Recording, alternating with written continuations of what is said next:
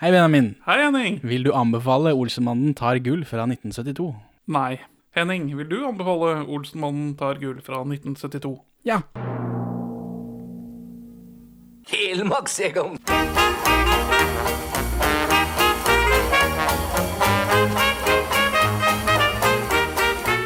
Perla for svin.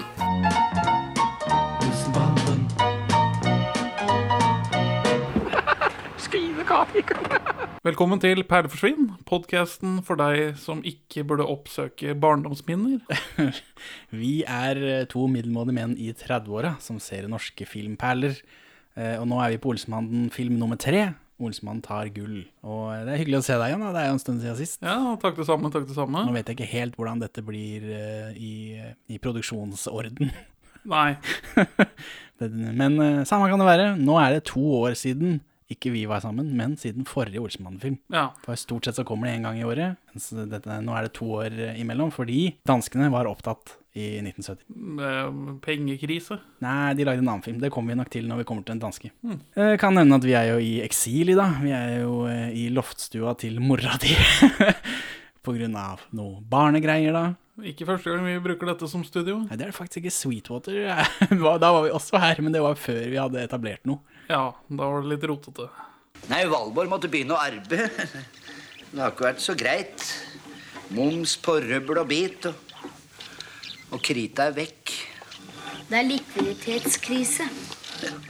Så jeg måtte ta meg jobb som hushjelp, jeg da. og Rydde opp og, og stå i.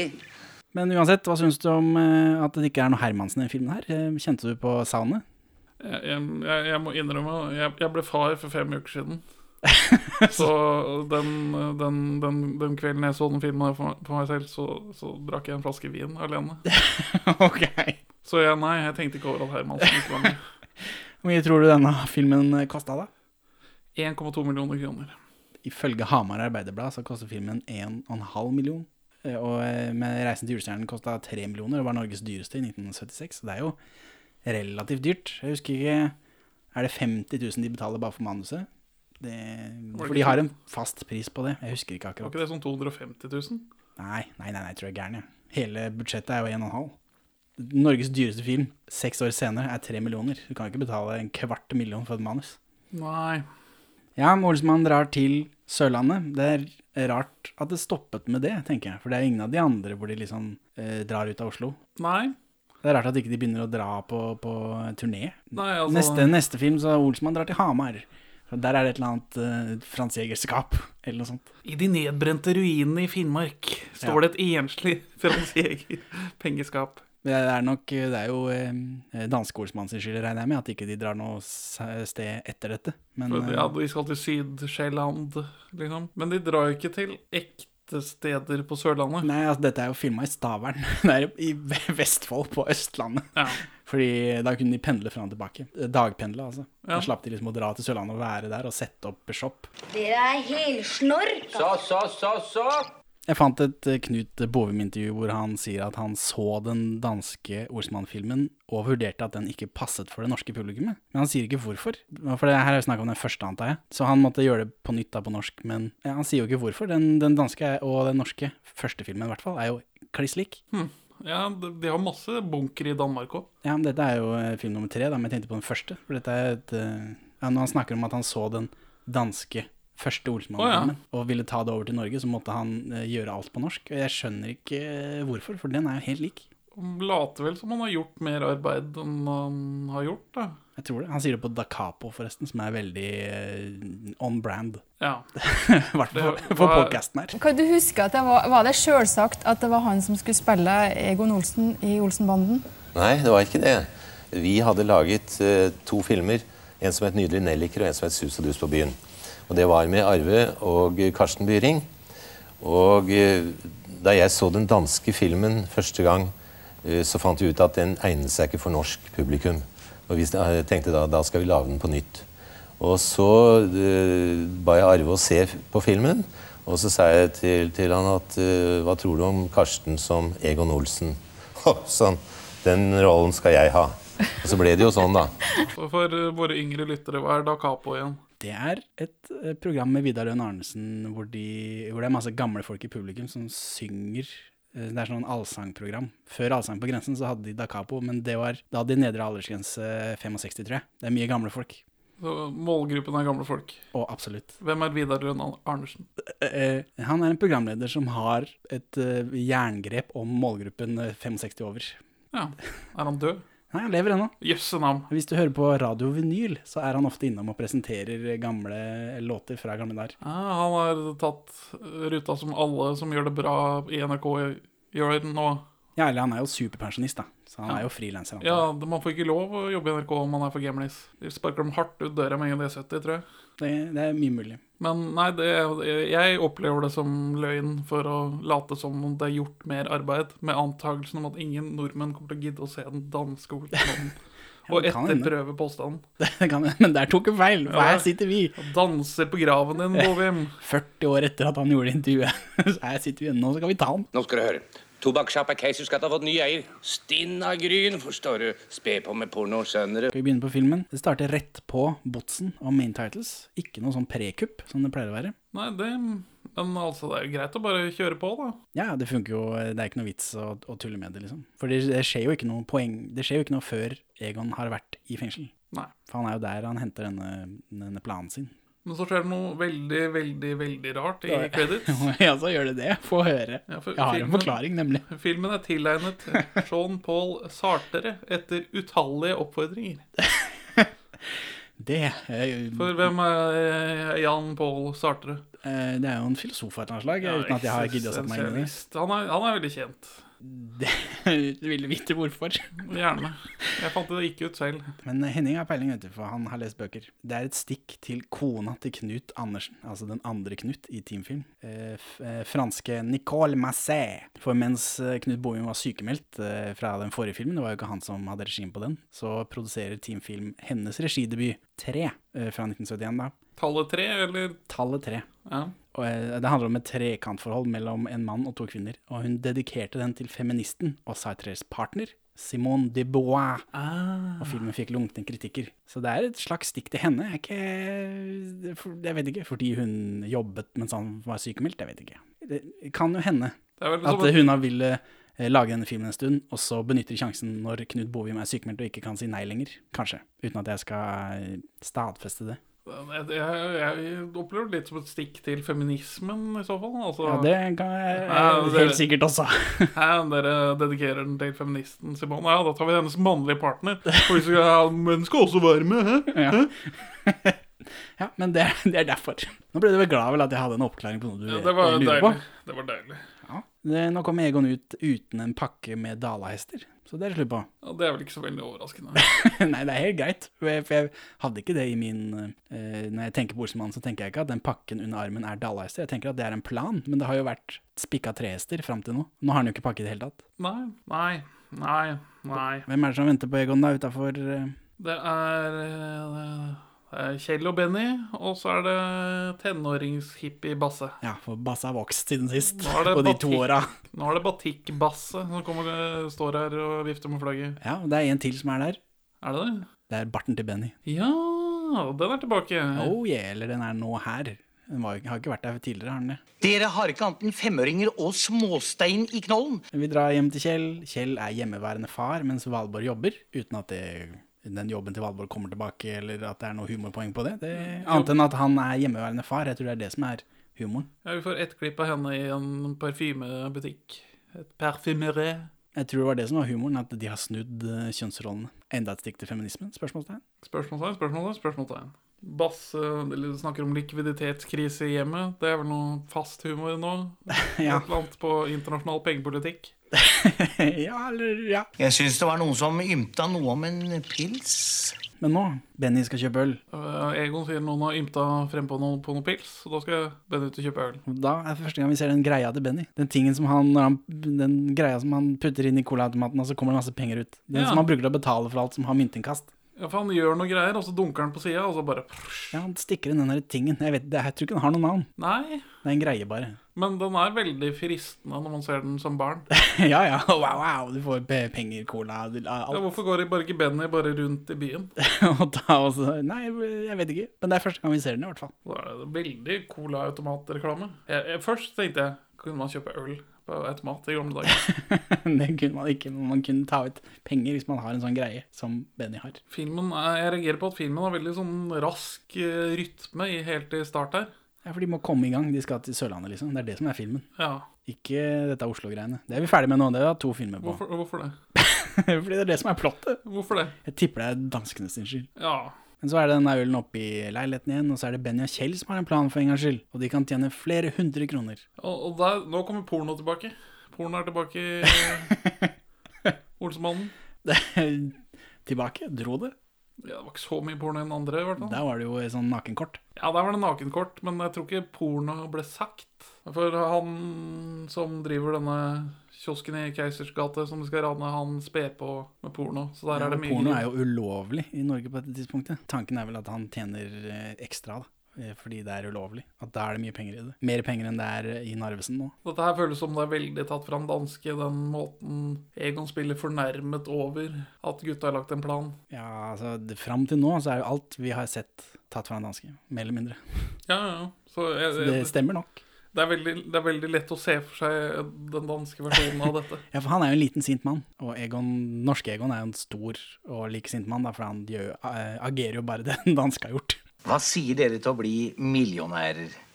Ja, jo Det er bare det at vi skulle jo gjerne hatt litt penger også. I hvert fall så har Benny og Kjell en plan, og, og Egon eh, han reagerer Han oppfører seg som en kvalm drittsekk. Dette her eh, det husk, kjenner jeg fra barndommen, at når han oppfører seg sånn, det liker jeg ikke. For eh, han blir jo dødelig fornærmet, selvfølgelig. Og han, eller, han, det han, han reagerer med å fornærme de og rive denne planen deres i stykker. Småtteri. Eh, det- De skal jobbe for millioner, ikke hundrekroner. Han er meget, meget fornærmet. Og oppfører seg som en idiot. Ja, han blir, han blir ganske rasshøl. Og så, så sier han Egon sier Hva sier dere til å bli millionærer? Og så sier Kjell «Hei, om jeg skulle hatt noen penger også. Da lo jeg. Ja, det, det, det er gøy. Det, nå, de har begynt å lære at dette går som regel ikke så bra. Hva er planen til Egon, da? En fyr i fengsel har i bytte mot to pakker med sigaretter, Blue Master. Blue Master, som er billige sigaretter, Jeg vet ikke. eller er det mentolsigaretter? Jeg aner ikke. Ikke peiling. Det er sånn hestebilde på det, er det ikke det? Jo. Det er nok det hestebildet han ville ha. Han har fått eh, eh, en sånn plantegning over en bunker på Sørlandet, men det er jo ikke men hva er, det, hva, er det de skal, hva er det de skal ha tak i? Hva er det som er Generalens skatt. Ja, det er noe nazigull, er det ikke det? Det er nazigull, vet du. Ja, er det, er det noe særlig å drive og øh, håndtere nazigull, da? Er det etisk riktig? Ja. Å berike seg på nazigull? Selv om Det er ikke det er du opprinnelig- som er nazist? De opprill- opprinnelige eierne er jo døde, da. Eh, de Jødene, tenker du på? Ja. Ja, men det er litt sånn ufint allikevel. Du må- Da må du gi det til, Dette har vært til Holocaust-senteret eller noe sånt, da. Dette har vært tenner en gang. Kan du sitte der og tenke når du Ja, beriker deg? ufint. Men det nevner de ikke her, da. Nei. Av en eller annen grunn. Men det kommer frem at generalen hadde en plan om å rømme til Argentina. Ja, og eh, hun, er det Karina hun heter? Som dukker opp seinere. Ja, hun kom jo fra, Sør- fra Sør-Amerika. Fordi familien måtte, fl de måtte flytte brått. De sier ikke rett ut at eh, det var nazister, men det er jo det det var. Ja, ja, de dro på tidlig på våren 1945. ja.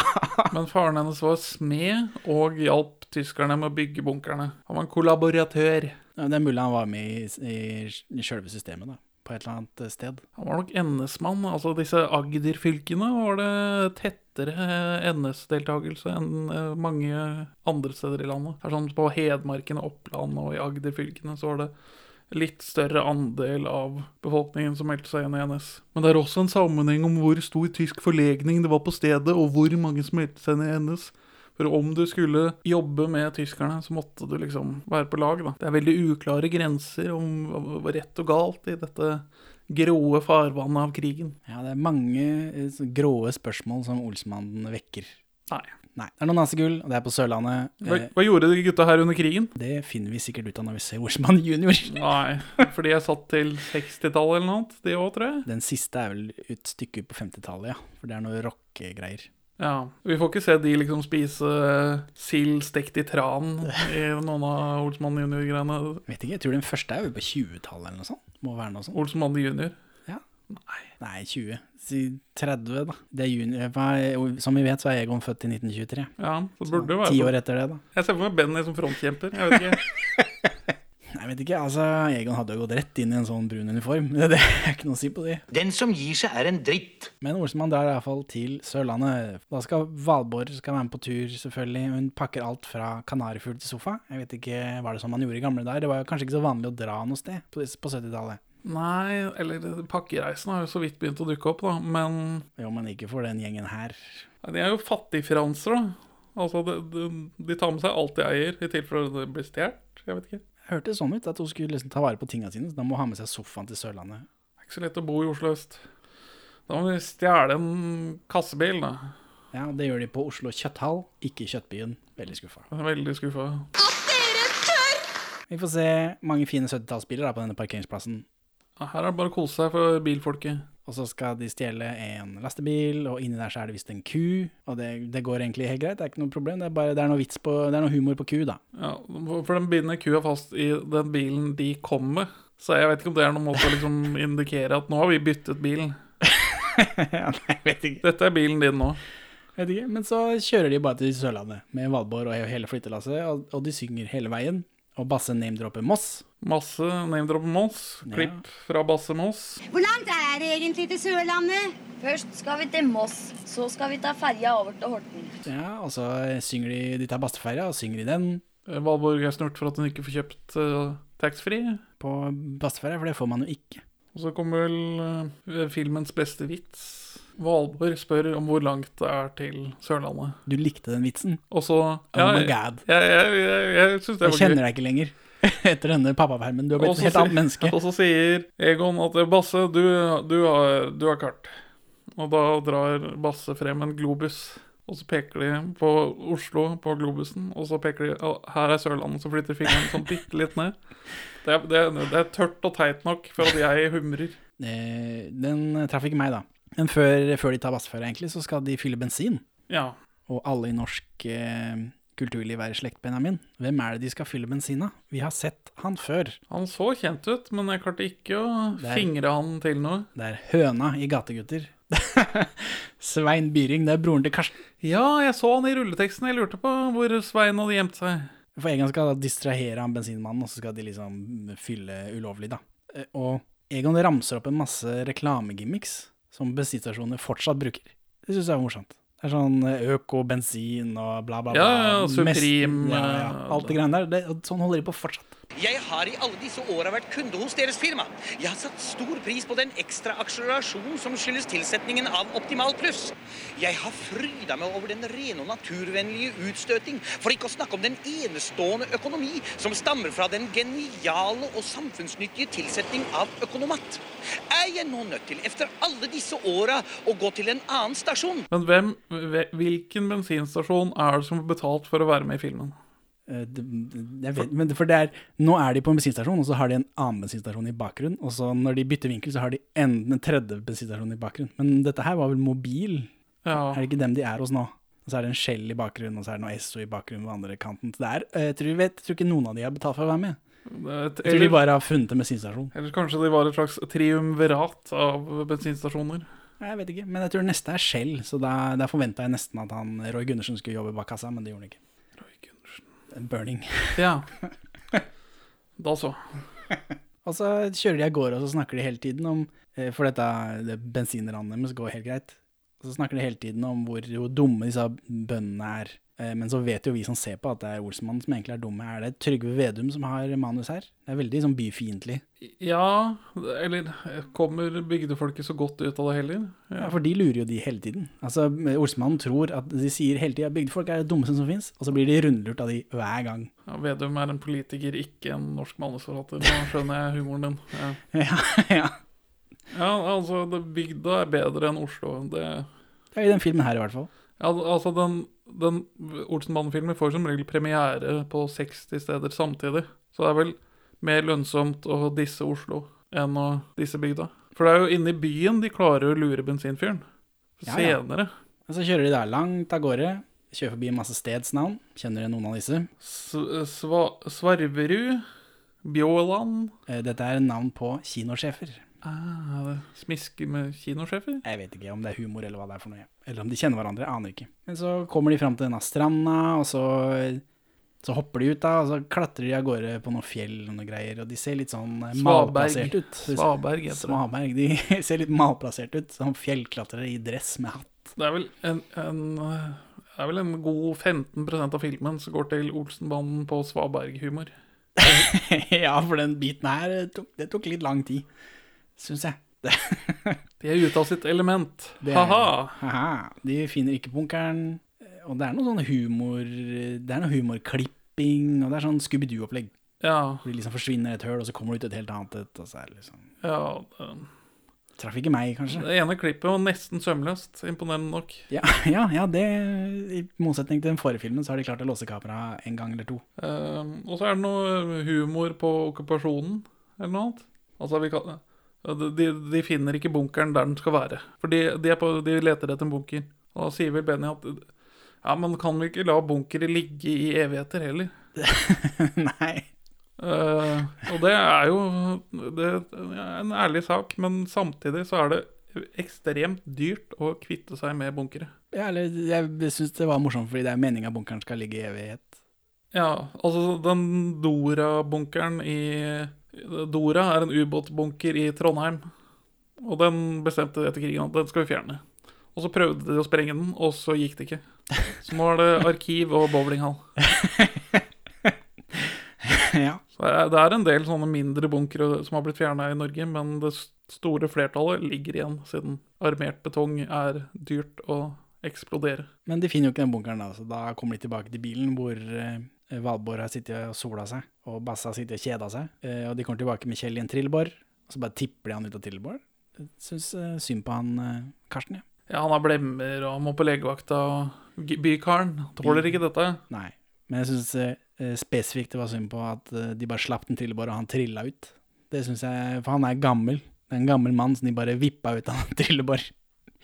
Men han får vel hazard pay, da. Ja da. Stuntmann. Ja, det er overraskende mye Kjell-slapstick i den filmen der. Eller eh, godeste Benny driver jo og hopper litt mer i den filmen der. Ja, men han er ikke over 50. Det er Karsten Byring. Han har ikke så lenge igjen å leve heller. Karsten Byring døde på, i 93 eller noe sånt. så Han, har- det er, han har et 22 år, stykke igjen, da. 21 år. Ja, ja, ja. Mm, men eh, de kommer seg inn i bilen, og så kjører de av gårde. Og så går bilen i stykker, selvfølgelig. Og da kommer det en sånn klassisk kranglescene hvor alle ordsmannene er sinte på hverandre. Og dette- Humor. ja, men dette føles mindre ondsinna enn det gjorde i forrige film. For meg, da. Jeg vet Ja, ikke for hva nå, du syns. nå er det jo mer i affekt. Hvordan var det det var i forrige film? Hva? Da sitter de rundt bordet, og så griner de, og så er de sinte på hverandre. Sånn, det virker som de er oppriktig sinte. Mens nå er det mer sånn heat of Nå har det skjedd noe, og da blir man l- l- lynsint. Ja, og så er det, det er sånn å, siderumpa amatører, og det, det er det greiene der. Det er ikke sånn eh, du såret meg i mitt eh, inder, innerste indre. Det er, ikke den, det er ikke den vonde som det var i den forrige filmen. Nei, det er ikke Det er mye like litt mer svart. overfladisk. Men ja, hengehuer og sider på amatører, det er vel hovedlinja, er det ikke det? Eh, akkurat her, ja. Nei, men det, Eller sånn generelt. For jeg- jeg mener han eh, de kaller de sosialister på et tidspunkt også, i en eller annen senere film. Ja, men jeg føler at den hi, eh, sier opp av eh, amatører og henger i ræv og whatever Jeg føler at akkurat den, den kommer igjen nesten hver gang det er noe sånt. Det kan stemme, jeg har jo ikke sett de andre ennå. Nei, det blir aldri noe av, og vet dere hvorfor? Fordi jeg er belemra med hengehuer og siderumpa amatører. Og- Men så er de er også stranda, da. Men de, fordi, men de oppfører seg som om de er på prærien. Om det er forlatt på prærien. Det ligger et sånt dyreskjelett der, og det er liksom Filmen- Men dette er humor, da. Men, men Filmen, de er jo på det grønne Ja, de er i Stavern. De er jo på grønne Stavern. Det er ikke, det er ikke akkurat dødt rundt dem. Nei, det, det, det, dette er filmens ene pene shot. For altså, Egon er så sint at han har gått langt vekk fra bilen og sitter på bakken ved siden av fem-seks okseskaller. ja, for det er sånn de har i prærien. Ja, det, var- det var veldig sånn western-shot. Du har mista hjulet på vogna di på The Oregon Trail. Ja, han bare sitter og venter på å dø. Men Ja, så da Basse snakker litt om hvor lenge et menneske tåler sult. Ja, fordi de er sultne, da. Liksom. De oppfører seg som de er på prærien. Så blir de reddet. Det kommer en kranvogn med ja stumharmonikk Harry. Lillegutt eh, kaller de han. Men det Lillegutt. er Harald Heidesteen jr. Han er st- stum, som du sier, men han er også tynn og kjekk. Han ser mye bedre ut enn han gjorde i forrige film. Han har, han har en sånn junkie-kropp nå. Det er jo en oppgradering fra feit og døende. Jeg vet ikke om jeg, jeg følte Han ikke ser, han ser sykelig ut. Nei. Han kom nettopp hjem fra Tyskland med båten. det. Ja, han er veldig Han er jo tynn, men jeg syns han, han eh, er, virker frisk og opplagt. Han, Nå- vir, han er veldig spretten. Nå er vi jo i eksil, så du ser ikke den enorme haugen med bøker jeg pleier å ha her for å bevise at jeg har gjort noe. Men hadde du sett den, så hadde du sett at jeg har enda en bok oppå der. Det er en bok av Harald Heidesteen jr. som heter Sett og hørt. Eh, Og det er en sånn ja, han, skrev, han har skrevet en del, og det er bare sånn kåserier og sånn tullball. Men foran den boka så har han en liten selvbiografi hvor han oppsummerer hvert år han har levd. Og om 1970 så sier han 'var ordentlig fet nå', drakk ganske uhemmet og var en dårlig far. Dette er da eh, forrige Olsmann-film. Og så i 1971 sier han at han nesten døde, men etter fire og en halv måned på sykehus så går det bedre. Så det er det som har skjedd i mellomtida. Nå er dette i 1972, da, så han har ikke falt på flaska igjen ennå, men eh, han gjør vel det senere. Ja, han, så han møtte veggen ganske godt Ganske og hardt. hardt, I, et par måneder etter den forrige Olsmann-filmen, ja. det henger på grep. Men han er veldig tynn her. Altså, det er litt kalorier i alkohol. da. ja, ja, nå har han jo slutta med det, da, og ligget på sykehuset og vært dødssyk i fire måneder. Og så har han kanskje ikke tatt på seg like mye fyllefedme senere. Kanskje jeg ikke kan drikke en hel flaske vin hver gang jeg ser en Olsenmann-film. Det er jo ganske mange Olsmann-filmer, så det blir jo en del flasker. Men eh, men jeg opplevde han som frisk og opplagt. Ja, jeg jeg er enig, men han ser litt syk ut. Men eh, han kjører kranbil da, heldigvis. Så Ja. da blir de redda fra eh, det, su- den visse sultedød på Stavern. Og så blir de kjørt av gårde, og så kommer de til skraphandleren, da, som Harald Heide Steen bor hos, jobber hos. Ma- Mats Madsen, skraphandler. Det virker som han er formynderen til eh, Harald Heide Steen. Ja, han er vergen hans. Eller hva? Ja, og her får vi, blir vi vist hvordan man knuste biler i gamle dager, og Harald Heide Steen får orgasme av å knuse biler. Han kommer av det, er- det er Harald Heidesen sitt orgasmefjes. ja, Og Jeg skjønner det, og, og det virker jo kjempegøy. Ja, det, det, filmen gjør vel noe sånn spøk om at det, det, Harald Eidsten, lillegutt, er kona til Mats, da. Ja, for han lager kjøttkaker til henne, og det er liksom Ja, ja, men er, er det eh, wink, wink, nudge, nudge i gamle dager? Nei, Det opplevde jeg ikke. Da ville nok han eh, Madsen hatt litt mer knekk i håndleddet. Han er jo ganske eh, Barsk type. Ja. Feminalt. Bingo! Egon roter rundt, eh, for de skal jo liksom finne et eller annet å fikse den bilen med. Eh, Og de er ikke så gode på å lete, syns jeg, men eh, det er heller ikke poenget med scenen. Poenget med scenen er at de skal finne en Egon finner en bunkerdør i skraphaugen. Så bunkeren er i nærheten. Åh, jeg får, det kribler i magen. Ja, For du vil også rote rundt i gamle skraphauger og finne bunkerdører. Ja, det er korrekt. Åh, men altså, det, dette er jo filmen som har, eh, må stå til grunn for min kjærlighet til betong, bunkere og i det lange løp krigen. Dette er sånn det starter. Eller, eh, eller min krigsinteresse starter to steder.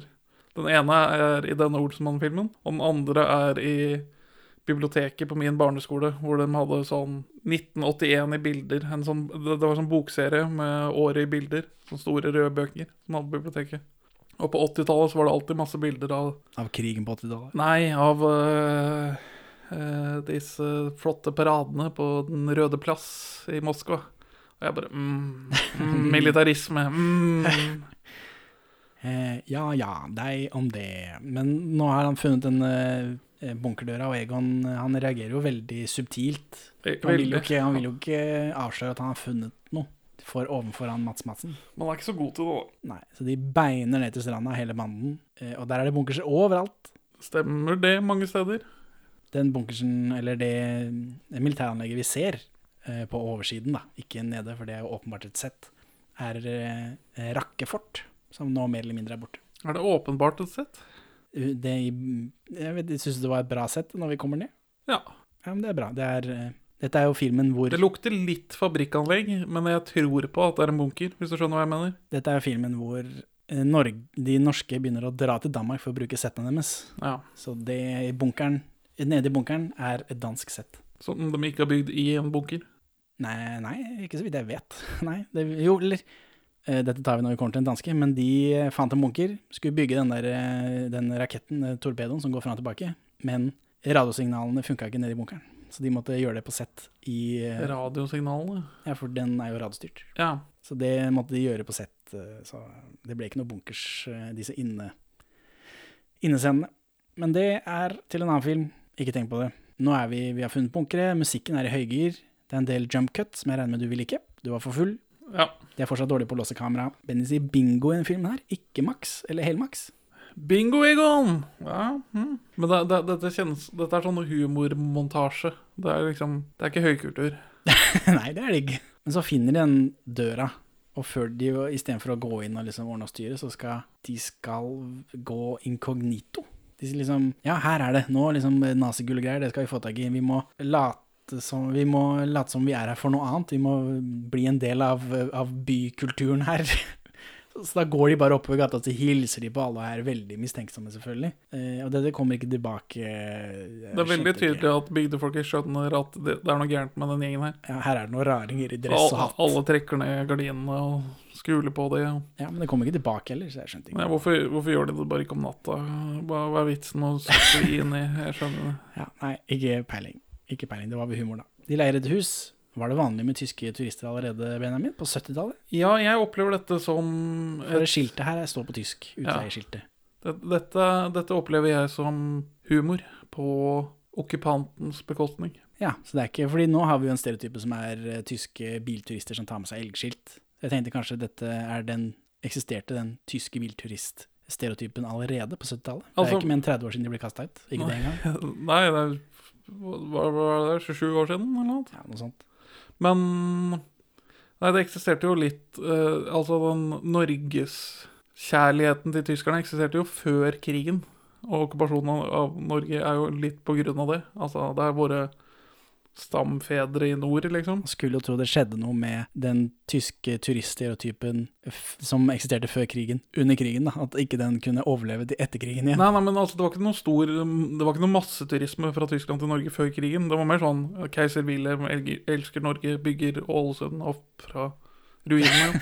Det var litt, litt mer sånn. Men under krigen så var det jo på det meste sånn en halv million tyskere i Norge av gangen.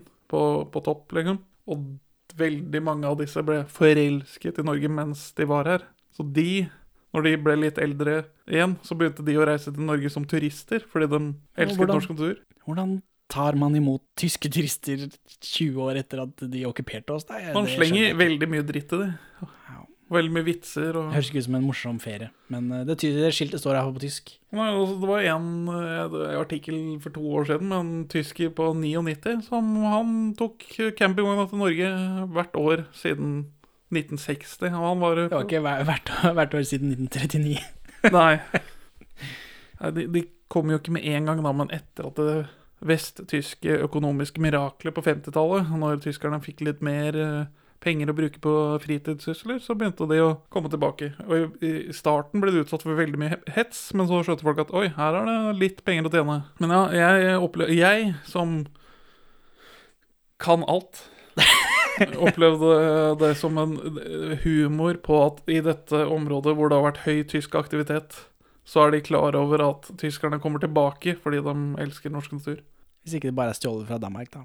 Er det, hadde de dans- har de tyske turister i Danmark? Det ligger jo, eh, de, de grenser jo. Jeg, jeg vil tro det. Det er mer, mer strand i Danmark enn det er i Tyskland. Ja, for så vidt. Var han ikke litt underlig, tror jeg? Han var sprøytegæren. Nei, men sånt må du ikke si, Basse. Sørlendingen kan være like bra som vårs, vel. Dem kan vel ikke hjelpe for det? Eh, For de leier dette huset da, av han eh, skraphandleren, og så eh, ligger Basse og leser spansk. Han sier vennligst 'bli med meg til politiet'. Og det mener jeg kommer tilbake senere, når de faktisk er i Spania, eller på Mallorca. At det er en deep cut, altså Jeg mener han gjør det igjen. At det, han s- leser spanske greier, så sier eh, Kjell Affi Søren så flink gutten min er. Og så kom politiet, og så, sier, og så har de sånn tyrefekterhatt og sånt, noe, så det, hva tror dere er tyrefektere, bla, bla, bla. Og så sier de vennligst eh, bli med, det er politiet. Og så sp- spør han Kjell sånn stolt eh, til sønnen sin hva er det han sier for noe. Eh, Jo, det er politiet, vennligst bli med oss. Jeg mener den, akkurat den vitsen gjenbruker de, tror jeg. Sikkert jeg husker helt feil. Eh, Men skraphandleren blir litt sånn mistenksom da, på, dette, eh, på disse raringene som er tatt inn i den eh, hytta hans. Han har skjønt at det er noe muffens. Så får vi se at over den bunkeren så er det et militært område. Ja. Et lite hus og et tårn. Hva syns du om, eh, om representasjonen av militæret her? Er det true to life? Det er En liten utepost. Det stemmer kanskje ikke like mye i dag med den økte profesjal- profesjonaliseringen, samtidig som verneplikten er jo litt, nesten delvis avskaffet. Men da vil det s- nok stemme. Min onkel ville ikke være med i HV. Så han smugla alltid med seg masse sprit på øvelse, og så drakk han seg kjempefull eh, mens de sov. Og så når det skal være oppstilling dagen etterpå, så kan ikke han stå. Men, han, men militæret liker jo ikke at han ikke har lyst til å være der, så da måtte han være der likevel. Uansett, kjenner du han som sitter i toppen av tårnet der? Han ser kjent Alle ut. i norsk kulturliv er i slekt, Benjamin. Det er korrekt. Dette er Andreas Diesen. Han er sønn av Ernst og Kari Diesen. Kari Diesen, var jo, Kari Diesen er jo hun pornosjappedama i den første Olsmann-filmen. Og han er der med fetteren til Harald Heidesteen jr. og Anne Marit Jacobsen. Han ligner mer på Anne-Marit. Ja, men ø, de, de er jo f- øh, fettere og kusiner alle sammen. da. Det er ingen av de som er søsken. Utrolig nok så er han kun med i denne ene Olsmann-filmen. Altså av Olsmann-filmer, da. Men han har jobbet Han har en lang radio-, TV- og revykarriere, selvfølgelig. Kjenner du han ø, løytnanten eller kapteinen eller hva det er for noe? Løytnant er Å, han ser veldig kjent ut. Kjenner du han da? Alle i norsk kulturliv er i slekt. Dette er, dette er eh, Paul Theodor Haugen, det er faren til Kim Haugen. eh, Fra, Ja. fra Buddy, I guess. Han som vi har ligner sett. på Kim Haugen, han gjør det. Ja, det er vel omvendt, da. Kim Haugen som ligner på faren sin. Ja, det skjønte jeg. Det er Kim ikke Haugen kommer igjen i Olsmannen 14. Ja, det er fint, det, gutten min. Det er nyttig å kunne språk. Accompagnare me alla polizia, per favore. Ja. Og hva betyr det, gutten min? Vennligst bli med meg til purken. Hysj da, Basse. Og her er det noen sexy damer som ligger De legger seg ned i dette militære området. Eh, toppløse, men på magen. Så det er ikke pupp i denne filmen. Nei, dessverre. Det hintes til pupp, men ikke like mye som tidligere. Og det, det, Knut Bovin forteller at de prøvde å finne toppløse damer i Stavern for 500 kroner, men de fant ingen vilje, så de måtte leie inn folk fra Oslo. Å ja, men de damene i Stavern hadde ikke trengt å vise titsa engang. Nei, nei. Men dette er, dette er en sånn Knut Bovim-historie, jeg vet ikke om det stemmer. Nei. Nei, nei. Men, men når disse damene kommer, med en gang så går alarmen, og han, eh, han Paul Theodor eh, hiver seg ut. Det- Dette er da en autentisk eh, tysk sirene fra krigens dager de bruker. Ja, han ble du glad. Ja, jeg Ble mer glad av den enn de to altså, første damene. det var Ekstremt mye gjenbruk av tysk materiell etter, etter krigen. Ja, det er klart. Så men han hiver seg ut, og så kjører de ned til den og sier "Mæ, mæ, mæ, mæ, mæ. du kan ikke, Dere kan ikke være her, men på en sånn sexy måte, fordi de er toppløse, deilige damer.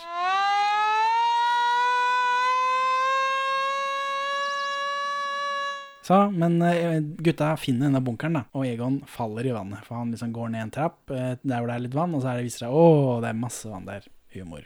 Så han bare blopp, blir borte. Men eh, når Kjell og Benny roper Egon, eh, når han Egon detter i vannet, så er ikke det eh, Sverre Holm eller Karsten Byring. Det er Knut Bovim og lyn- lydmann Tom Madsen som roper. For det Ja. var ikke lyd på akkurat det klippet, så de måtte ettersynke i studio. Ja, Dette er på fre- 3510, for jeg noterte meg at det var veldig ra Det var noe veldig rart med den Egon! Ja, som det, er fordi kommer det da. er ikke dem. Hm. Så de finner ut at de må dykke etter den skatten, da. Jeg vet ikke, for den, det er en gang nedi der som er oversvømt, antar jeg. Uten at vi får se det. Jeg antar det. Nei, det er jo den der han falt ned. Det er der inngangen er. For der går det en kjempelang gang. Det er noe sånt jeg så for meg. For dette, dette er en ting med bunkere, Henning, er at de må vedlikeholdes, ellers så forfaller de. De må få sånn avfukting. Men for å, for å dykke så må de ha noe penger, finner de ut da, for de kan ikke bare svømme inn under her. Og da skal de rane Madsen. Og her kommer det en vits. Egon og Benny og Kjell de kommer til dette gjerdet til han eh, skraphandleren, og så klatrer Egon og- og Benny over, mens Kjell bare tar eh, porten. Eh, Og og det, og det hele, de gjør det med den største selvfølgelighet, det er ingen som påpeker det, eller ingenting.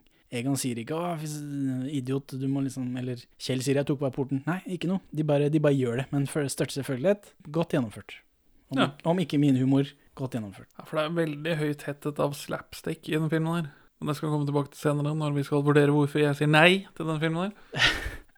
Men inne hos han Madsen, der er det et pengeskap. Er dette det første skapbrekket vi ser av Egon? Ja, for vi Det er noe skap i forrige film, og da er det eh, dynamitthærer som skal sprenge det. Men her, Egon tar på seg hansker. Det viser seg at det skapet er åpent, så han får ikke gjort det. Men er dette første gangen liksom, det ble etablert at dette er noe han mener han kan? Ja, for det skjer jo ikke. Det, er det ikke noe i den første heller? Nei, der er det ikke noe skap i det hele tatt. Nei, nei, det er jo bare mm, dynamittharry i den andre.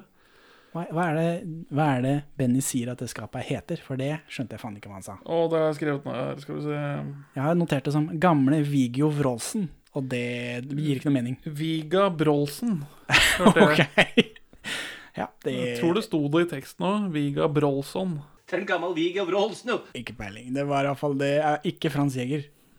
Så Men det skal vi komme tilbake til. Det skal vi komme tilbake til. Det er ikke låst, det er ikke noe penger oppi det heller, det er bare tommelflasker. Eh, Men alt dette bråket deres vekker jo eh, Og det- Madsen, da. Det er det som er poenget med tomflaskene. Det, dette viser jo igjen bygdefolkets ingenuitet.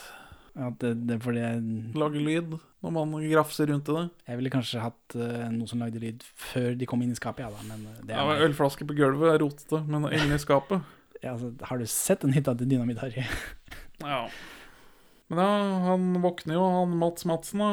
Og gutta løper. Gutta løper, og Madsen skyter Kjell i rumpa. Nesten som om han gjør det med vilje. At han skyter den i rumpa med vilje, tenker du? Ja, At ikke han sikta på hodet. Headshot, like. Veldig annen film med en gang. ja.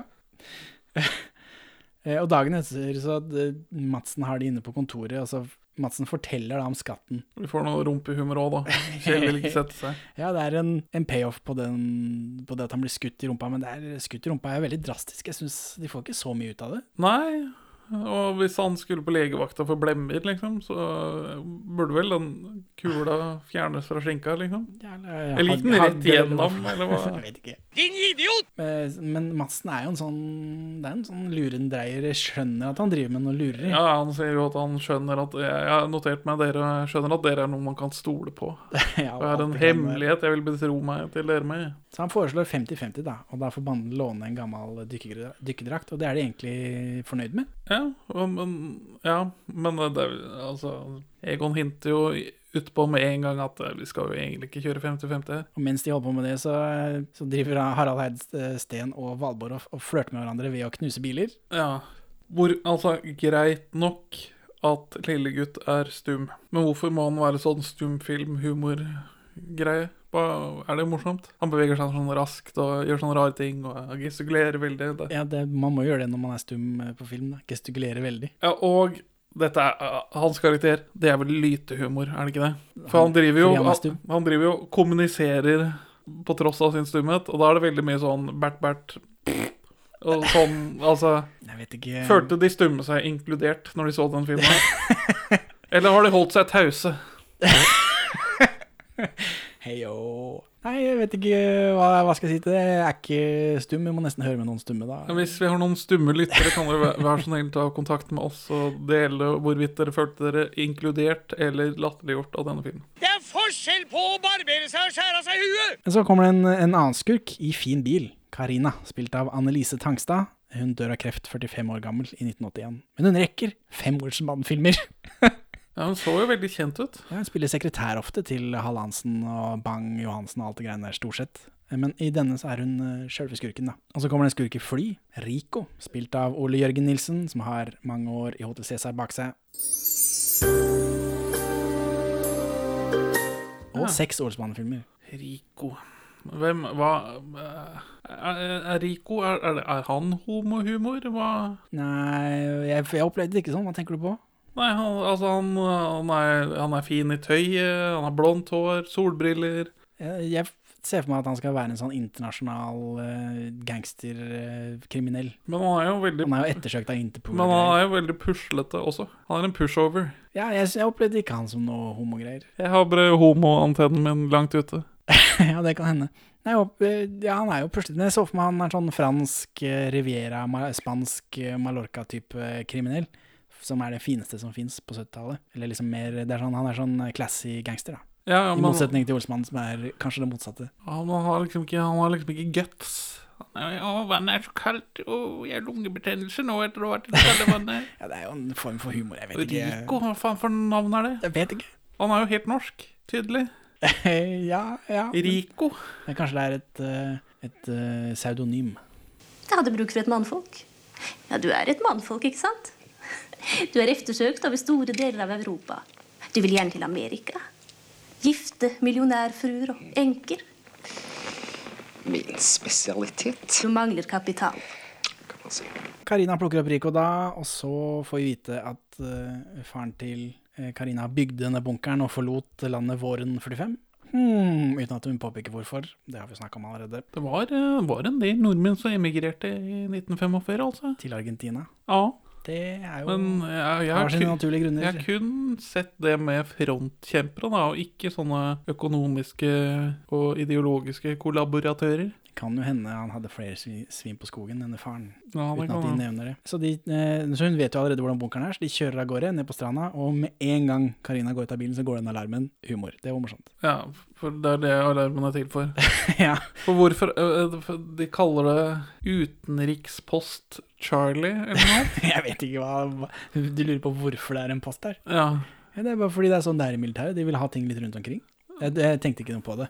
Ja, det kan- det er ja, det små kan- drittbaser overalt. Det kan faktisk bare være et ammunisjonslager i tilfelle krigen, den kalde krigen blir varm.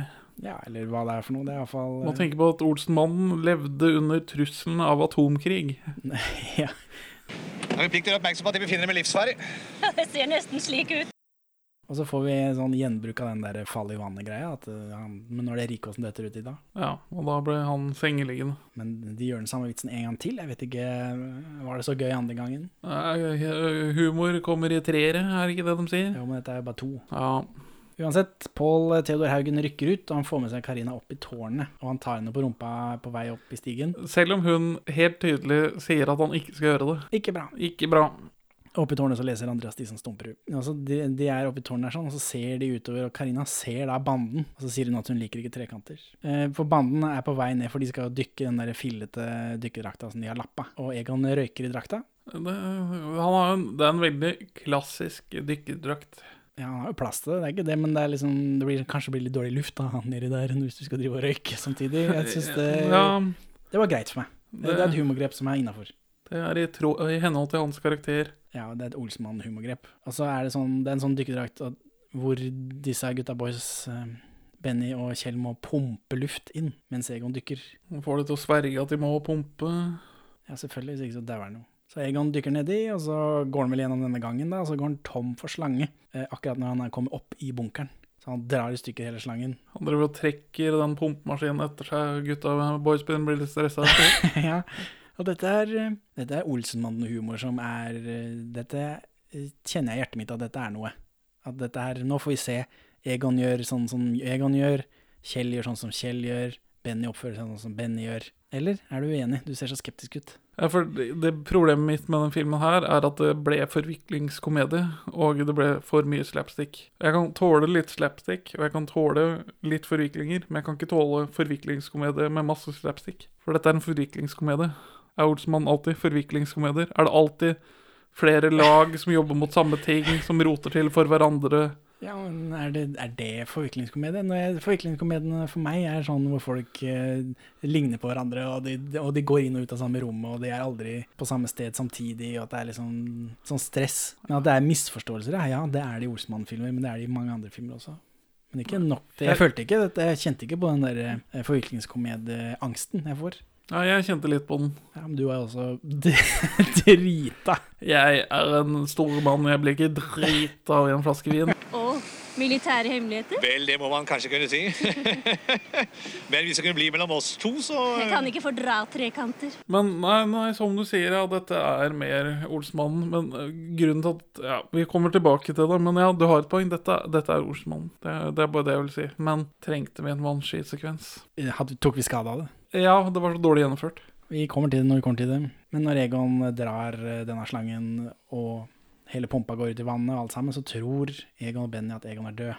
Tror Benny og Kjell i hvert fall at Egon er død.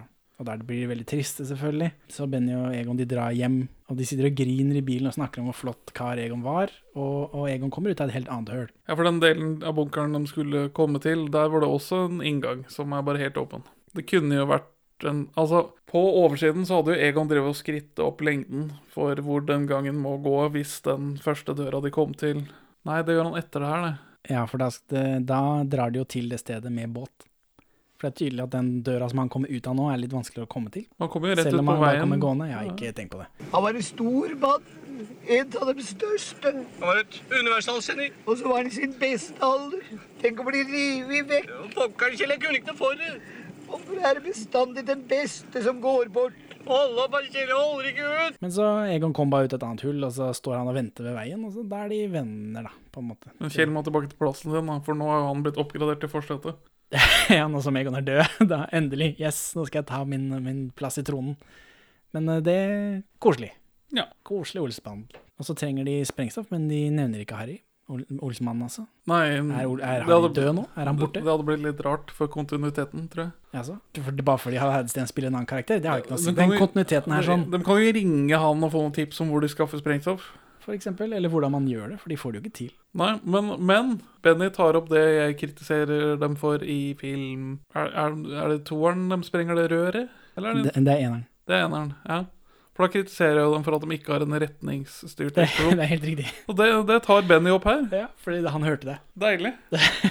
Men han får det ikke til likevel, da. Men eh, det- Ja, ja. fi- filmen kritiserer den første filmen. Det setter jeg pris på. Sikkert tatt fra den danske. Hold opp med det pissepratet der og kom igjen! Harald Heidesteen eh, Jo, fordi jo Karina kom på besøk til Madsen, og de kjenner hverandre. Og hun parkerer den fancy europeiske bilen sin, tror jeg, under den Og en knuseblokka. Toyota. Toyota? Ja. Det er jo ikke europeisk. Det er korrekt. Men den var fancy, da. Det var den. Og gul. Ja. Han, par- hun parkerer den under den der knuseblokka til Harald Heidesteen. og Han, Ha- Harald Heidesteen er veldig, veldig liten. Han er så fryktelig liten i filmen her. Ja, han er jo Han blir så skuffa når han ikke får mose den bilen. Ok, da lo jeg av hans overdrevne kroppsspråk. Når han får streng beskjed om at 'gi deg, lille gutt'. Den enorme skuffelsen han spiller ut av. Fantastisk. Og så kommer det en, en sånn gangwalk, da, Olsmann Walk, som jeg er vant til å se. Og nå her merker jeg meg at eh, i den aller første filmen så lurer jeg på om Egon har blå sokker gjennom hele. Og han har blå sokker, men de er ikke like knallblå som i eneren. Så jeg tror det er noe de bare har lagt fra seg. Eh, Men de er ute og går, da, og så klippes det med Eller for de skal jo til den bunkeren nå. Men det er ikke like god silhuett som tidligere. Nå er det, jo ikke silhuett, dette er jo mer lys på, hvis ikke så hadde jeg ikke sett de sokkene. Nei, dette, Men det er bare det at de går etter hverandre. dette er, det, nå er de nede på dansk nivå på silhuetten. Nei, jeg vet ikke om jeg tør. Det er nesten synd nå. Mens vi holder på med dette, så driver Harald Heidesteen og Valborg og Mose biler. Eh, og det er sånn romantisk musikk, og det er liksom Det er tydelig at de koser seg sammen, og at Knut Bovim syns det er gøy at de holder på sammen, men, men det gir jo ikke noe særlig til plottet. Nei. Bare mer stumfilm, antics og Og knusing av biler, da, som det er jo Det er jo gøy. Jeg, som holdt liker ikke, å se på det. Det jeg er holdt ikke ikke tellingen på det, gjorde du? det. Hvor mange biler som blir knust? Ja. Nei.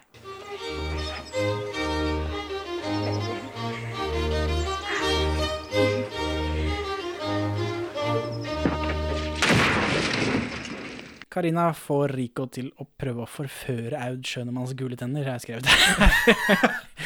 Eh, Ja, for det er hans spesialitet. Gifte fruer. ja, og det, for det er sånn, ser jeg for meg at sånn, eh, når det er nede på stranda i Spania, der, sånn, at der er det jo en del gamle pensjonerte fruer som- med mye penger. At det er liksom, han er den type eh, gangster, da. Eller kriminell. smug- Svindler-type. Eh, Men han blir eh, rett og slett avvist, og han fyrer en røyk. Og når han fyrer den røyken, så var jeg sikker på at Aud skulle komme løpende ut, for hun vil også ha røyk. Til de gule tennene. Ja, det, det er bare Men Rico kidnapper Bass i stedet, og så må da Basse påpeke hvilket våpen Rico truer han med. Er det riktig våpen? Det er det. Det er en colt. Enda bra. Jeg drev og lurte på om den var en norsk colt eller ikke, altså en Kongsberg-colt, men jeg klarte ikke å avdekke det. Men det er jo sannsynlig. Men her Den bilen til Rico, det er jo den Jeg får Basse er ekspert på våpen, da. Ja. Han driter seg ut i den norske og tar rett i den danske i forrige. Ja. Men nå er det Nei, poeng til, inntil videre et poeng til Basse. Ja, det var det jeg lurte på. Det er Derfor jeg noterte meg det. Fordi han sier hva våpenet er, og så sist gang så var det feil. Så tenkte jeg kanskje er det riktig nå, da. Eller en Browning, da, men det er en type colt. Ja, ja, ja. Så lenge det er riktig, så er det riktig. Men den kidnappinga av Basse også. Basse befrir seg selv etter fem minutter. Ja, men det, det, dette, dette var underfundig humor. Altså, Basse havner i en knipe. Redder seg Han- selv. Han bare drar teppet ut så han fyren velter, og så bare går han hjem. Ja. Eller nei, han binder han opp først, får vi vite. Men vi får ikke se det. Vi får kun se Basse kidnappa inn på hotellrom, velter fyren, går inn hjemme. Og så kommer han hjem, og så er Valborg sinna fordi han har vært borte. Og så sier han han slapp av, jeg har vært kidnappa. Det må du da skjønne at du ikke får lov til. ja. Dette her dette her var jo gøy, men det bidrar jo ikke stort. Men, men den, jeg tror poenget med, med de scenene her er at det er gøy. Ja. Eh, og så er det jo, han er jo barnealibiet, da, så det, man kan liksom identifisere seg på en måte som barn. Ja, Ba- Basse er en veldig kul type, selv om han har på seg batikk. Det var jo kult på 70-tallet, regner jeg med. Ja. Banden stjeler en båt, Eh, for De går inn i et sånt bitte lite båthus, og så med en gang de går inn, så har de klippet at de stikker hodet ut. Eh, Og så er det Det var, ristet ikke, litt i det var kamera. ikke et båthus, det var en utedo. Ja, eller hva det var. Det var jo bitte lite sånn skur. Poenget var at det var lite. Båthus Ja. er det ikke. Båthus er ganske, eh, en del større enn det. Eh, og, men de stjeler den båten mens noen barn står i bakgrunnen og bare ser på filminnspilling. det tenkte jeg, ja ja. Vi kommer liksom ikke unna når du spiller eh, holder på ute, sikkert. Så får vi en humorversjon av Olsenbanden-sangen. Det la jeg ikke merke til. Ja, den gikk over her mens de stjeler båten, tror jeg. Så var det en sånn ekstra sånn jovial variant av den klassiske. Ja, jeg bare koser meg med musikken, jeg, jeg tenker ikke på det. Og så er det klipp til han løytnanten som viser frem militærslekta. Han viser frem forfedrene sine som henger på veggen der, ja. Og her er det en vits som du må forklare for meg. Mhm. Og så, han, vi- eh, så det er liksom oldefar, tippoldefar, oldefar og farfar. Og farfar var et taktisk geni. Og han reddet også Oslo Nye Teater i sin tid. Jeg tror dette er en Toralv Maurstad-referanse. Han tok over Oslo Nye Teater i 1967, og tror han sparka alle som jobbet der, ja, og ansatte de han ville ha på nytt. Og i dette, om det var denne krangelen eller når han holdt på med Nationaltheatret, hvor han også krangla, så var Pål Theodor Haugen eh, motstanderen hans eh, i fagforeninga, i Skuespillerfagforeninga. Ah. Jeg tror det er en Toralv Maurstad-referanse, tror jeg. Ja, men men det, det var litt, litt gøy, i hvert fall. Ja, det var i hvert fall gøy for meg som akkurat har holdt på med dette. Tenkt på Toralv Maurstad og alt det greiene. Så eh, referanse til hvor hardt han slåss, da? Eller at det var liksom kamp? Krig? Ja, at det var dårlig stemning eller noe sånt. Jeg vet ikke. Noe sånt. Det er bare kanskje. Eh, På veggen i hytta til løytnanten så er det et bilde av Rolf Stanger i uniform. Han er en eh, legendarisk Oslo-ordfører, står det på internett. Jeg har aldri hørt om ham. Fabian Stang, tror jeg han heter. Fabian Stanger. Og her har vi farfar, et taktisk geni. Han reddet i sin tid Oslo Nye Teater. Benny har ordna dynamitt. Kjell er skeptisk. Nå er de altså nede i denne bunkeren, så de eh, befinner seg i Danmark på ordentlig. Benny sprenger da denne retningsbestemte sprengningen, så den militærhytta på toppen her vingler, men det hjelper ikke noe på veggen. Så er det mer sprengning, eh, og det er ikke noe som hjelper. Nei. Det bare Det, det ryster han Pål Theodor Haugen da, oppi hytta der. Han liker det ikke. Så de drar hjem da uten ut, med uforrettet sak. Mer kl- klaging og Ja, Egon er sint da, og, det, og, og når de er hjemme i den hytta da, sammen med Valborg og Basse, og de driver og krangler om at Basse er kidnappa, og så er det klikker for Egon, da.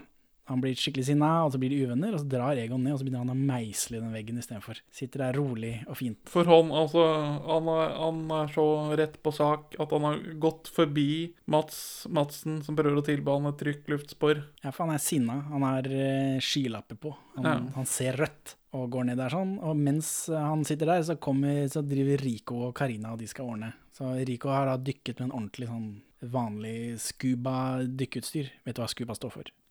Nei. Self-contained underwater breathing apparatus. Smooth. Takk. Den har jeg i huet, faktisk. Det har jeg lært av eh, Life Aquatic med Steve Suso, eller hva det heter for noe. Da, den, er, den er god. Eh, og han har en harpun. Ja. Det ordet kom jeg ikke på mens jeg så filmen. For det var for, for, Eh, Nå husker jeg det. Nå skal du få se på høl! Men ja, moderne dykkerdrakt. Og dette, dette er sånn nordsjødykkerdrakt, ikke, ikke sånn Han ser normal ut, da, i motsetning Ja. til eh, Egon, som er eh, med sånn 1800-tallsdrakt. så han kommer opp bak med harpun, og a- akkurat samtidig så kommer Kjell og Benny inn i den eh, bunkeren der. Og Kjell dekker faktisk Egon med kroppen. Så er han den modigste i banden. Ja, men det er, ikke, det er jo det morsomste. At den feige er den modigste. Så Ja. det, ja, det vet du. Og Benny eh, slår ned Rico, men han står på froskeføttene hans. Så han kliner til henne, og så sp- går han ned, og så står han på froskeføttene, så han kommer opp igjen, og så skaller de, og så svimer begge to av. Og Kjell har svimt av skrekk, tror jeg. Ja jeg, men, jeg mener å huske at jeg opplevde den sekvensen som skummel som barn. Ja, fordi At- han skyter jo faktisk på det med harpun. Ja. Han kunne jo drept Egon når som helst. Men han har et ettskuddsvåpen, da, så han har ikke, han har ikke det Han får ikke tactical tatt alle tre, tenker du. advantage. Om det ikke går i den andre sekvensen, da. ja. Sjo, tvers gjennom hodene på alle sammen. Det går ikke, hodene er ikke lange nok, de heller. Nei, du må jo gå for eh, brysttreff, da. altså, du får Kjell i hodet. Ja. Eh, Men eh, nå er de bestevenner, da. Eh, For Egon skjønner at han har vært dum. Og at Eller han de har snur seg rundt og ser at de har to, al, al, det ligger to besvimte bandemedlemmer der.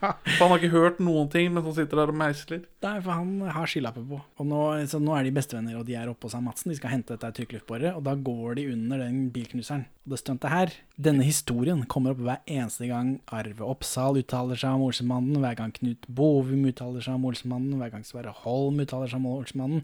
Så nevner de dette. At de går under der sånn at de kunne bli knust når som helst. Og så forteller de gjerne om at det var han som drev den gården, hadde en bikkje som bjeffa hver gang de sa liksom, tagning. Så bjeffa den bikkja. Og så, eh, så turte ikke Sverre Holm ble veldig nervøs. Han turte ikke at eh, de skulle slippe den der klossen ned på det rett ved siden av dem. Og så ender det med at han, eh, han som eier dette, han eh, skyter en bikkja da for at ikke den skal bråke så fælt. Ja, det er historien. Den, de nevner det hele tiden. Men når jeg ser dette, jeg hadde, når jeg hadde i hodet, så hadde jeg at vi så de At de kom mot kamera, og så gikk den klossen ned. Klank. Vi ser det bakfra. Og Vi ser det, Vi ikke ser det fra si- bakfra. jo, Det vi er ser det ikke, ikke de fra kan jo si- være f- tre meter borte fra den klossen. Så Ja. ikke falt i det hele tatt. Jeg skjønner ikke hvorfor jeg snakka om det. Jeg har- De har hypa opp dette for meg. Dette er castet sin skyld. Hadde de ikke nevnt det i det hele tatt, så hadde jeg ikke tenkt på det. Vi kan prøve å gå inn og regne på geometrien da, for å finne ut hvor nærme de faktisk er. nå. Eh, Det går jo an. Men så mye som, som de har mast om det, i alt fra God morgen Norge til Da Capo, så, eh, så hadde jeg trodd det var mer imponerende enn det var. Jeg, jeg, jeg mente å huske at det var fra siden. At du var sånn, du så hvor tett det var. At, at det var genuint skummelt. Jeg også trodde at du kunne se hvor tett det var, men det gjør du jo ikke. Eh, vi har en annen scene eh, som ser litt nifs ut, det må jeg innrømme. Altså, dette eh, Det er dette bare- skjer da i en sånn eh, bilopphuggeri. Hvor vi er borti en bilpresse som knuser bilene sammen. Ja, det skal vi se. stemmer Oi, sann. Der var det centimeter om å gjøre, Ja. så det ut som. Ja, det var nokså nifst, for den, den eh, veide jo en- mellom fem og ti tonn, da. Og så Mm. sitter bare en mann og, og slipper hele greia. Og vi står under og skal gå bare ett skritt frem, og så detter det. Men eh, da vi skulle ta det der, der så han som hadde bilopphøggeri, han var en, litt av en orgelgal, da. Og eh, han sa at han skulle slippe dette her. Og vi sto der òg. Så er det jo en prosedyre. Det er liksom kamera, kamera går, lyd, lyd går, vær så god. Og så havner bikkje på baksida av låven, som sto sånn. Hver gang sa han, vær så god. Så bikkja. Og stopp, stopp, stopp, stopp, stopp, stopp, stopp. Ja, vi, om igjen, vi tar en gang til. Tar, prøver en gang til. Ja. Kamera, kamera går, lyd går, vær så god. Så dette tok seg gang etter gang. Til slutt sa han regissøren til, til mannen at nei, nå, nå- nå må det altså bli fornorden på det. Få, få den bikkja til å holde kjeft. Ja, da må han rusla bak låven. De hørte han brukte forferdelig kjeft. Og kom tilbake og bli og sa nå, sa han, nå er det i orden. Kamera, kamera går, lyd går, vær så god. Og det gjentok seg, og til slutt sa han nei, vi, at vi får gjort noe med den bikkja, altså. Ja, sa han, det er greit. det». Så gikk han inn i huset, så henta han haglegevær, og så gikk han bak låven, så skjøt han bikkja, og så kom han igjen, så sa Nei. han ja, nå eh, sier jeg stille, sa han. Og da var Sverre Holm fikk total panikk. Altså, han får lov til å slippe det der. Han, får, han fikk lov til å slippe det der. du vet. Jeg har kjerring og unger hjemme, jeg, så det, er ikke- det, det, er ikke- det er ikke tall i.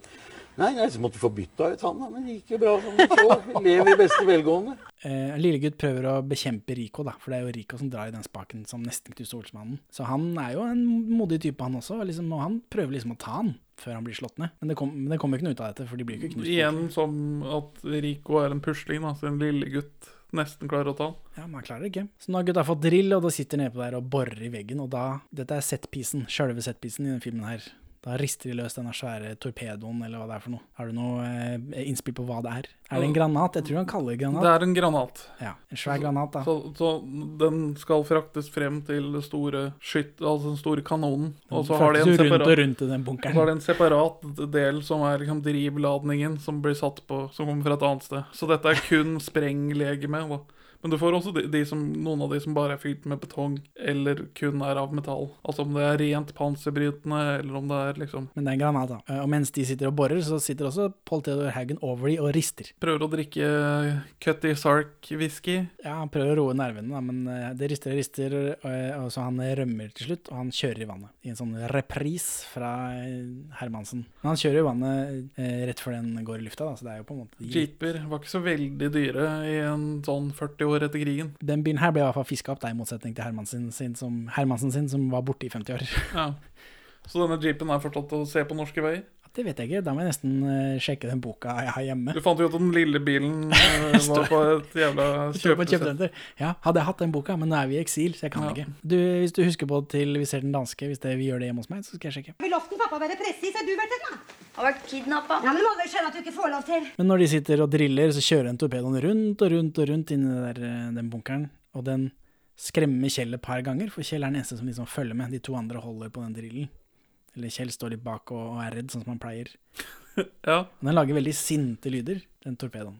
Ja, men altså hele den sekvensen her er, eh, er veldig god. Ja, det er en, dette er en god sekvens. Jeg Dette- skjønner at de har dratt til Danmark for å gjøre noe ordentlig. Ja, ja, ja, men eh, ja, b- altså, b- både lyd og den derre at den driver og reiser rundt. At det er Ja. liksom uklart hva planen er. Men den, den har liksom stått og hengt der siden krigens dager, og så har den blitt rista løs. Og Ja. dette, dette er ikke dette er ikke urealistisk. Det, altså, dette er ting, altså, folk eh, ble sprengt av ting fra krigen lenge, lenge etterpå. Altså, det hender. Det, altså, litt urealistisk at Den går dette- rundt og rundt og rundt, men, Ja, men det, er, det er gøy, og det er en god sekvens. En engasjerende sekvens. Og de to er bo- opptatt med den bråkete greia, mens Kjell følger med på, og så spør de, han, de spør vel han hva som foregår. Men Han sier til dem at «Å, det, f- det føk en torpedo, en granat forbi her, sa han. Og så, så bare avferdiger han med at det er liksom, du er jo gæren, Kjell, du er jo idiot. Og så fortsetter de bare. Og så kommer den torpedoen til slutt, da, og sprenger den veggen. Men da får de endelig se den, og da, da liker jeg at den vanngangen allerede er etablert. Og at Altså, nå har vi sett Olsenmannen sprenge seg sjøl tidligere til liten effekt. Men her ø, øker de the stakes ved at de faktisk må kaste seg i vannet for å fortsette å kunne være Olsenmannen. ja. Ja, og de hiver seg i vannet, det, i den der vanngangen der sånn, og så går eh, veggen i lufta, og hytta til eh, Pål Theodor Haugen går skikkelig i lufta. Og det er omtrent samtidig som han kjører i vannet, så jeg føler at det er innafor. Ja, hvis det er en luftventil fra den Det er humor, Benjamin. Ja, ja.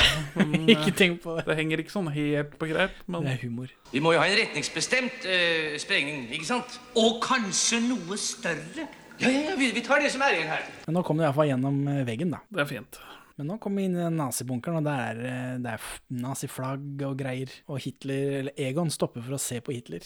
Og, Ja, men- og Hitler ser tilbake. For Ja. at det portrettet hans henger på veggen der. Men hva er det Egon driver med her, egentlig? For han- jeg føler at han ser med en viss sånn beundring på føreren. Og Jeg følte at det var noe at han var litt sånn krass. jeg. Han ser på og blir overraska at han er der, og så, så blir det sånn morsk et lite øyeblikk, følte jeg. jeg, Men jeg følte- du er en sånn beundrings... Jeg følte han, eh, jeg følte han overfor Hitler-type. hilste, liksom. Du gjorde det, ja. ja. Nei, det tror jeg Det tror jeg ikke. Men du kan jo jobbe på en fanfic. Og her kommer vi til et Frans Jæger-skap. Det er første gang vi hører Frans Jæger. Frans Jæger, Berlin. Det er deilig. Eh, Men Kjell, da? Åssen har det gått med Kjell? For han har fått sjokk. Ja, så han, han har blitt Forstenet. Ja, når, når, Benny og, når Benny og Egon kom seg på vannet, så ble Kjell liggende. Ja, men han ligger som stiv som en stokk på toppen av vannet, som er humor, som er gøy. Ja, dette, dette ser morsomt ut. For han ligger liksom rett oppå vannet. Det er så vidt han toucher. Morsomt. Og så må vi fiske han inn, da. Ja, men de får opp safen.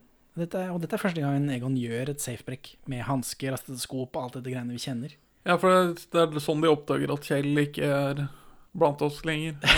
ja, for han må ha Derfor han har ting- veska. Ja, for det, i disse danskene også sier det at grunnen til at Kjell går med veske, det er ikke noe homogreier eller kors på halsen, det er fordi han må bære alle tingene til Egon, men Egon har jo ikke gjort dette før i de andre filmene. Egon, Det var, var veska til tidligere. vet ikke, de har jo putta ting opp i den. Det er jo for å bære ting, da, men Ja, de har rettkonna veska. jeg tror det.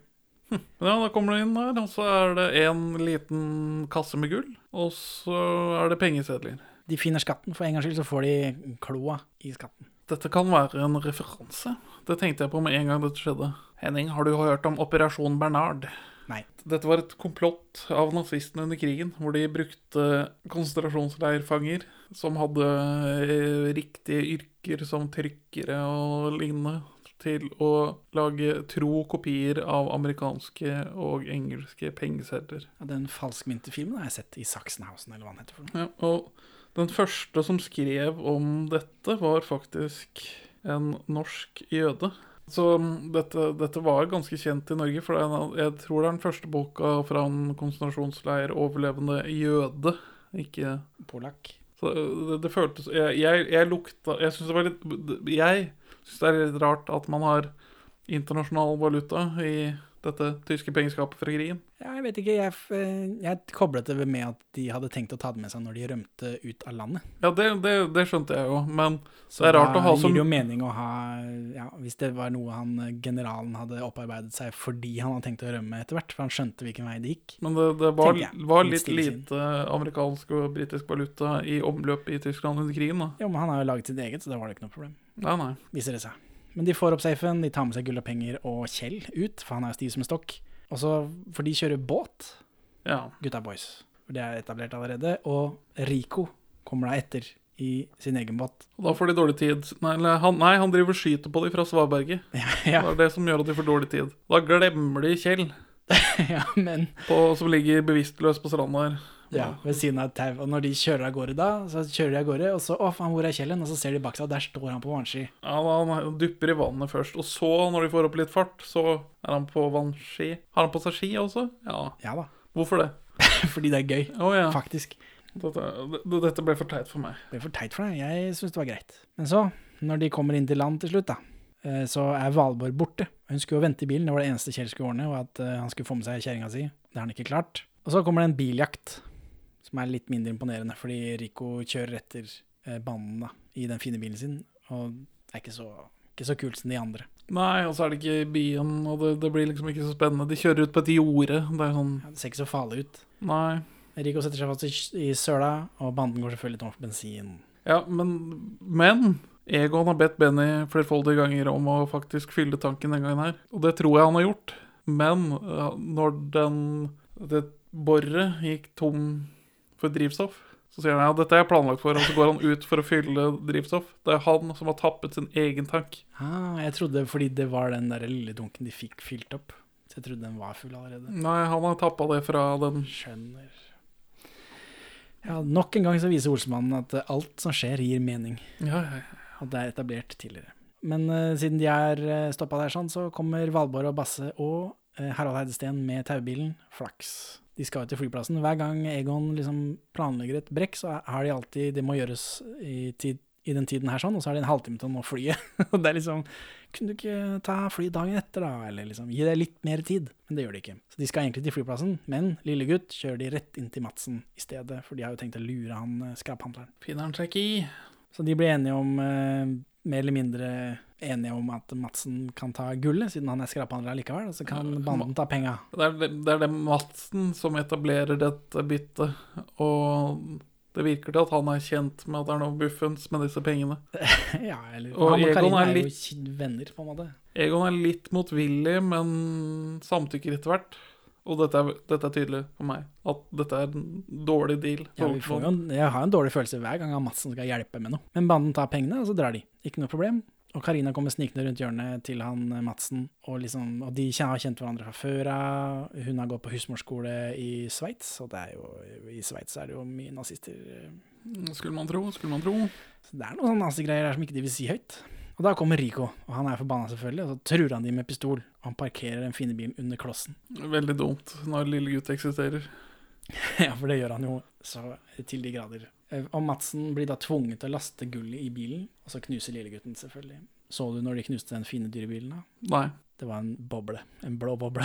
Ah. Nei, en, en gul boble, mener jeg. Samme farge, da. Lurt. Lurt. For det, det, var, det ble for dyrt for han eh, Bovim. Men det gir Rico 50 kroner til toget. Og det. Så, men altså, er det Egon som går i banken? Nå er Mm. de et helt annet sted, tror jeg. Ja, men han knuser bilen og gønneren til Rico, da, så vi Ja. får sånn humor. Ja, ja, ja. Det er der han liksom han er avvæpnet, på en måte. Og dette også så jeg for meg i mitt indre barnesinn at det skjedde, at han lå på bakken, og så kom den klossen ned, og det skjønner jeg at det er farlig. Men det er jo ikke sånn det skjer, selvfølgelig. De har bare kila den pistolen under. Det er det som er problemet. Minnet er bedre enn filmen, Det er Henning. det, ja. det er det. Det er problemet for, for oss i podcasten ofte. Men Egon går i banken med alle pengene sine. Benny, Kjell, Valborg og Basse spiser kaker og feirer på andre sida av gata. eller noe sånt. På Camille og tyven-vis. ja. ja, det er for de har veldig mye kake. Basse søler, og da viser det seg at pengene er falske, selvfølgelig, og Egon blir arrestert. Så da må resten av banen ta toget hjem. Og så kommer den politibilen med Egon, som da sk- også skal til Oslo, eh, ved siden av toget. Og så vinker de sånn trist til hverandre med trist musikk. Veien svinger ut til siden, mens toget fortsetter rett frem. Altså et godt billedspråk at Her skilles våre veier igjen. Og dette forblir en pod- togpodcast. Ja. for dette er jo tog igjen. Nå fikk jeg ikke med meg hvilket tog det var. Ja, det, det lukta litt eh, likt som forrige film, men det er vel Sørlandsbanen, da. Sørtoget, som det heter nå. Og så er det svart skjerm, da, mens eh, Olsmann tema spiller. Hvorfor vil du ikke anbefale denne filmen, Benjamin? Fordi minnet er bedre enn filmen. Det, jeg hadde nytt bedre av å aldri se denne her igjen, og kun huska den sånn jeg så den som barn på TV2 på 90-tallet. Og så blir det, det blir for mye forviklingsdritt. Litt for mye slapstick. Og så, ja all- Denne filmen her kan klippes ned til en veldig god kortfilm på 20 minutter, tror jeg. Og så må man kun ta de gode betaene og bare dropper eh, sideplott, tror jeg. Så Henning, hvorfor vil du anbefale denne filmen? Det er vesentlig bedre stemning i den eh, filmen. Og så har de bytta lokasjon, og det ødelegger lite grann. Men jeg kan anbefale kun på nostalgi. Jeg er ikke helt sikker på om dette, er en egentlig, om dette egentlig er en god film. Dette er ikke en god film. Vi får se den danske om den er bedre. Den har noen gode set pieces, men sånn helhetsmessig er det ikke en god film. Nei, Jeg føler ikke at den hever seg noe særlig over nostalgi, men jeg blir glad av å se på det. Og nå er liksom banden er den banden jeg føler jeg husker, så derfor anbefaler jeg. Mest kun på nostalgi. Jeg er ikke helt sikker på om det er en god film, og du er jo veldig uenig. Er det noe vi lurer på til den danske, da? Noe vi skal se etter? Nei, øh, hvordan danskene knuser bilene sine. Hvem Dynamitt-lille gutt spilles av, og, og hvorvidt- hvordan den rollen er tolket. Hvem den danske Karina er. Jeg antar hun kommer til å være noe penere. Det har vært en trend i de danske filmene. Jeg lurer på om de damene som ligger på magen, ligger på ryggen, jeg. Det kan jeg fort se for deg. Det ser jeg for meg. Ja, for Karina er liksom en sånn sexy fem fatal her, men det fungerer ikke helt for meg, må jeg innrømme. Hun er mer fem enn fatal, på en måte. Jeg synes ikke hun, er, hun virker ikke truende på noen måte. Hun er ikke skummel. Nei. Selv om hun jo helt tydelig har en bakgrunn som nazist. Og så lurer jeg på Nazistbarn. Ja. Nazi-yngel Mm. kall- ble de vel kalt. De har fått unnskyldning fra staten, tror jeg. Det er mulig. Hva lurer du på? Eh, Nå må vi wrap opp her. Ehm, så lurer jeg på hva, hva som er Sørlandet i Danmark. Er det rett på grensen mot eh, Tyskland? Ja, det kan jeg avsløre. Den, den danske heter Olsmannen eh, i Jylland. Ja. Så det er Jylland som er Sørlandet. En øy. Ja, Og så skal vi ranke denne. Hva syns du? Er dette bedre eller dårligere enn de to andre vi har sett? Midt på treet. Jeg vil si midt på treet. Jeg ranker denne over de to andre. Hvem av, de to, hvem av Den Olsmann første- 1 og 2 den- er bedre enn denne? Jeg vil si eneren er en teitere film som helhet, men du har vel kanskje rett i at stemningen er bedre i denne. Ja, Nå er de iallfall på riktig spor. Ja, men eh, Nei, det, minnet er bedre enn filmen, så jeg ranker ikke denne noe høyt. Jeg, jeg ranker bunkeren høyt. Ja, men nå har vi det er Olsmann 2 er i bunn, hvis jeg husker riktig. Og så er det Olsmann 1 oppå der. Hvor skal du ha Olsmann 3? Over toeren. Over toeren. Så du skal ha den i midten? Ja. jeg er jo enig, men dette er jo en Benjamin-podkast, så det får bli Ja, sånn får det bare være. Ja, det er greit. Da er det, det er greit, det. Vi får lage to parallelle lister, da. Nei. Nei. Her, dette er, her må vi være samstemte. Dette er viktig forskning. Dette er nybrottsarbeid. Ha det bra, Benjamin. Adjø, Henning. Takk for at du hører på Perler for svin. Du finner oss først og fremst på perleforsvin.no, men også på Twitter under perler-for-svin, Facebook som perleforsvinpod, eller du kan maile oss på perleforsvinpod at gmail.com. Gi oss gjerne en eh, rating i din lokale podcast-avspiller, og, og legg igjen en beskrivelse, så folk skjønner hva det er for noe tull vi egentlig driver med. Her er ukas Pål Bang-Hansen-sitat ute av kontekst. Skal vi se et lite eh, høydepunkt fra en Olsen-bande? Kan du fortelle hva- litt om hva som går foran den scenen vi har tenkt å vise fram? Ja, det går ut fra at det er Olsenbanden tar gull, og den skulle foregå på Sørlandet. Vi hadde ikke penger til produksjonen mer enn til eh, Stavern, så der foregår det. Hvem skal nå betale? Hvem har råd til det? Vi har ingen penger, penger, det er skitt med det. Og vi har, det er to andre studioer her i huset. Altså Mor og stefar sitter i hvert sitt møte. Så Vi håper det ikke støyer noe inn her, men dette er jo koronahverdagen. Ja, det er, det er full krise. Full krise. Mm. Var- Jeg mener å huske eh, i en av de første koronainnspillingene våre, så kritiserte du meg for å snakke om korona, for at det ville gjøre at eh, episodene falt ut av tiden. det kan hende. Hvordan, hvordan føler du det har holdt seg? Nei, altså, jeg, jeg bestilte jo en tur til California i mars. Eller altså den Jeg bestilte en tur reise i juli, i f- mars. Så jeg hadde jo regna med at det skulle ta fire uker tid. Jeg vil, nå lo- lokker vi ned, alle holder seg inne i fire uker. eh, Så er vi ferdig med det koronagreiene. Så, blir det, så tenker vi ikke noe mer på det.